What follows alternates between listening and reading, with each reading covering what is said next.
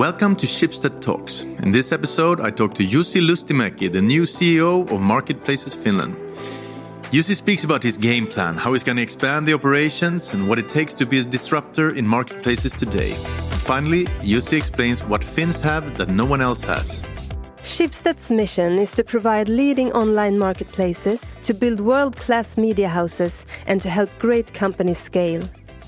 Schibsted has been on this mission in Finland with Tori.fi already for over a decade. Through the acquisition of Oikotie, Schibsted aims to expand its presence in the Finnish online marketplaces segment with a focus on growth and ambitious innovation. Oikotie and Tori will continue as independent brands, working closely together as a combined organization under Schibsted Marketplaces Finland, led by CEO Jussi Lystimäki. Jussi, welcome to Schibsted Talks. Great to be here. One month into the job, Schibsted bought Oikotie. That's that's sort of an uh, interesting start, right? Yeah, it's been uh, quite the ride this summer and uh, amazing stuff. Did you know about the acquisition before you started? When we did the strategy for Finland, what we really want to achieve and thinking big and bold, Oikotie was one of the candidates that we, we were thinking to buy, but we never kind of imagined that it could go like this. So it was much faster and uh, much more interesting process. So it says in Schibsted's mission statement that the company help great companies scale. Now you just bought a great company. Exactly how will you help them scale? Yeah, so what has been the situation in Finland is that when we create this this uh, big generalist called Tori, it has massive amount of traffic, and we always had a challenge to go into verticals with the generalist model and compete against vertical players which have much better user experience. Now we can scale Oikotie with Tori's traffic and find a kind of common playbook that we can play. And Schibsted knows how to do it, and Adevinta knows how to do it. So it's rather kind of scale up what they have done today and then improve the product as well uh, to serve the mass market, serve the the tens of thousands of clients. You are a real player in Finland, but but how how are you planning to expand the operations even more? What's your game plan? I probably don't open up the whole game plan here, but of course the ambition is that we we, we are thinking big. So we, we we want to be number one in all verticals, namely cars, real estate, jobs, uh, generalists, and so forth. Uh, but we want to create this kind of be champions for the responsible internet in, in Finland. And we think that we can be much more than some of, of our each part. So the game plan is basically that we want to improve the product, build a uh, world-class product and tech organization and take it us for a new ride, uh, moving into transactional models, moving into next generation models, and so forth. So it's a rather bold and uh, big plan, but uh, it, it happens in steps. Which areas are you looking into? Cars, real estate. What what else? Which areas are, are the hottest right now in your world?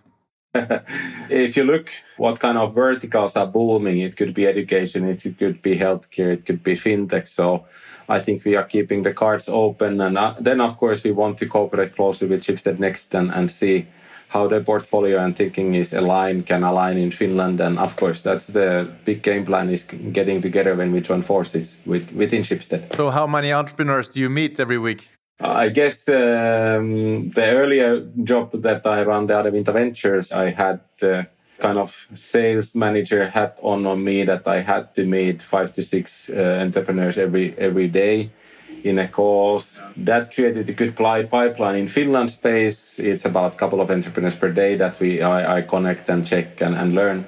But uh, you know that pipeline is all about like one percent goes through, so you need to have a pipeline to be able to, to see the see the market and understand what is good looking like and what are the opportunities of course what kind of entrepreneurs do you like if you think kind of the typical it's not a pitfall it's like a, a, typical thing that happens in finland that you create something that you think is great on technology point of view or product point of view but you don't think how to scale it up or what's the right kind of market or what's kind of right kind of segment to scale it up outside of Finland. So I'm looking for entrepreneurs who are seeing more than Finland as a market, probably Nordic, Northern Europe, and so forth, and they really want to become kind of champions on global or European level, like grow away from the local league to European championship level, and, and then then nail something that is super relevant for the market.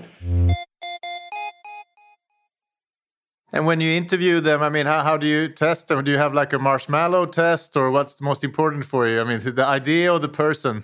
You know, it's uh, sharing the common view of the market and probably challenge as well that view, and then seeing that what is exactly what they think that they need to become the best of the best. And um, if they have a focus, if they have an ambition, and they they feel a little bit crazy, and they have this energy that uh, makes you a little bit uncomfortable, even that's a good starting point. Yeah, yeah. Schibsted has done this uh, in Sweden and in Norway, this journey, so to speak. What could you learn from Sweden and Norway when you're doing this in Finland?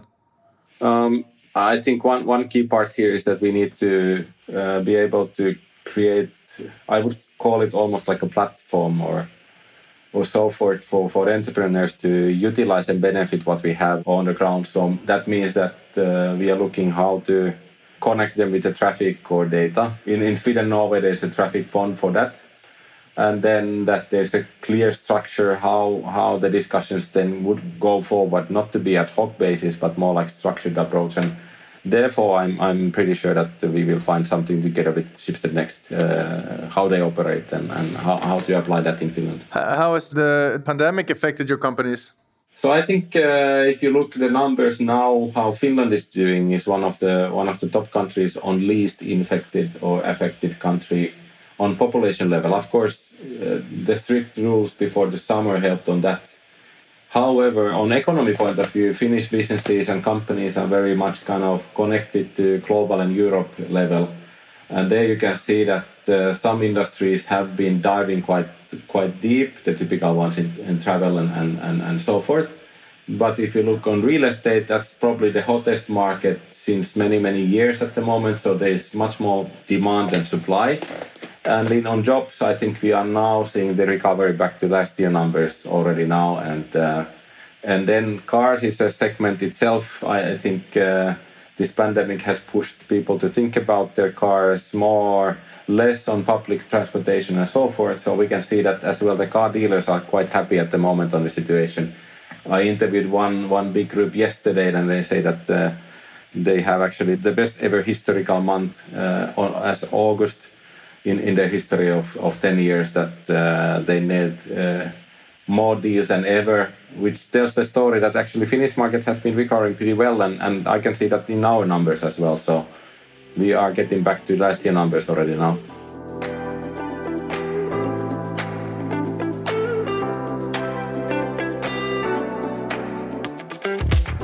And on a personal note, then, how, how has the pandemic treated you? How do you keep your spirits high? It has been quite um, almost like extraordinary year in that sense that we, we started the year, we lived in Barcelona and Barcelona went to this lockdown already on March, and then we were staying at home being able to go out with the permission to go for grocery shop or pharmacy and then you got the slot uh, once per weekend to go out for a couple of hours. That was tough uh, but then everything after that felt luxury so now when we moved back to finland on august you know this is like uh, you need to be conscious you need to be careful you need to be responsible but at the same time you feel that hey i can go to walk to the nature police is not stopping me or giving a fine. So it, it feels uh, rather good for family at the moment. And your colleagues, I mean, are, are you back at the office or how do you meet?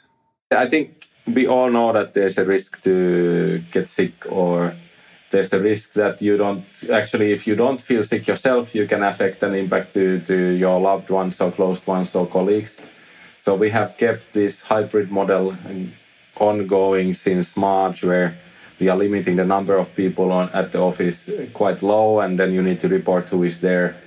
Uh, and we keep it probably until end of year just in case because we don't really know uh, how the pandemic is moving. And then we have now about 170 people working in, in our operations, and we just to make want to make sure that everybody is, is healthy and happy and uh, can be with the family whenever needed. And then when you get sick, you are not impacting the whole company. So that, that has been the policy so far. In chapter, we talk about the importance of building a sustainable society. In what way do you live by that words? If we think sustainability and responsibility as a common word, uh, there's so much value more than the money that we can bring. We as well want to hold ourselves uh, kind of accountable for what we do uh, that the services we do, the processes we run, the the contracts we do are kind of we do sustainable choices there, basically, if, if I think concretely, Tori is all about uh, circular economy, and, and, and that will impact heavily on, on, on carbon footprint of the consumers. At the same time, we want to make sure that our company is built on sustainable values and responsible way to, to lead and run the company. And when we are choosing the, the leaders and, and management team members, it's the same thing. You need to walk the talk with the values which are more than the money. You've been working with marketplaces for how long now? 10, 20 years? Uh, I started with the Schibsted journey 2009, and a couple of years before, I've been doing classifieds as well. So it's been a long journey. If I give you 30 seconds, you still lose to make it what I've learned about marketplaces, the most important stuff.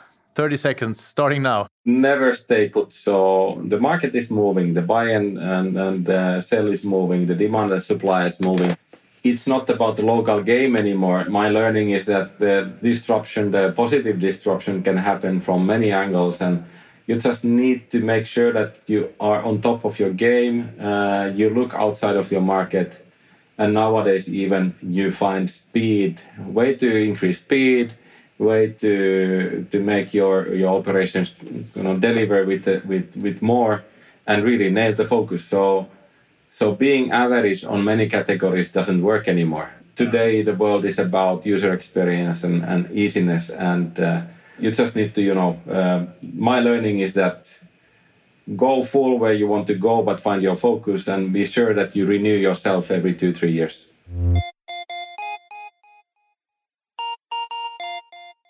You worked all over the world, and now you're back home. Then I wanted to know what, what do the Finns have that no one else has? We are super persistent in a way.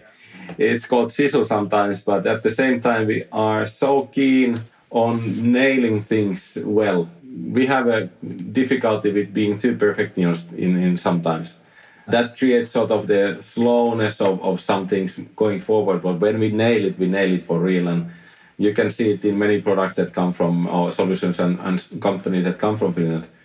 At the same time, we, we are okay with the bad weather so it gives us more like energy and focus and, and we are okay with the, with, with the change and uh, sometimes it's you know the snow comes into the in-house and, and it's okay because we know that it's going away. Uh, and, and we always like thinking that hey this is the situation now.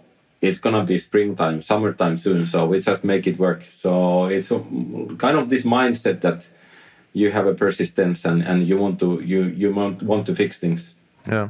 And you've been working in Schibsted or around Schibsted for a very long time. What do you like about the company? I would say that we we have a sort of family called Schibsted in a way, but we are. I would say that it's probably one version of Schibsted one year at a time. It always changes. We are challenging ourselves, especially in the marketplaces where the market is moving fast. We are expanding, we are developing, we are transforming and and the whole mindset of of having very low hierarchy giving a lot of freedom and empowering people and responsibility on people there. Uh, and you can see these amazing stories of people growing up and taking responsibilities and making the next big things happen. So i think it's a fascinating kind of environment. It doesn't feel corporate almost at all.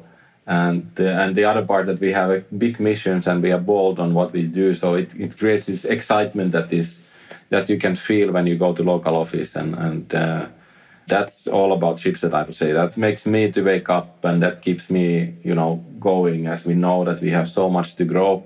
We have this kind of thinking that marketplaces will eat up, eat up the world because everything is buy and sell if you think about it as a, as a service or, or product marketplace and so forth it's super early days in B2B, it's super early days in fintech, it's, super early day in, in industrial marketplaces as well. So there's a, you know, tens of years of growth coming if you just make it well. And how, how long will it take until you have uh, until the Finnish part of Schibsted is bigger than the Swedish and the Norwegian? how, how, many years do you need? I'm always optimistic. Uh, five years is me for me is a good goal, but it can take ten. Okay, great. Thank you so much, Jussi. Thanks a lot. It was uh, tough questions. Thanks for that as well. It, it's always fun to challenge yourself. you listen to Schibsted Talks, a podcast brought to you by Schibsted Employee Branding Team. My name is Hugo Renberg. Producer was Jens Back.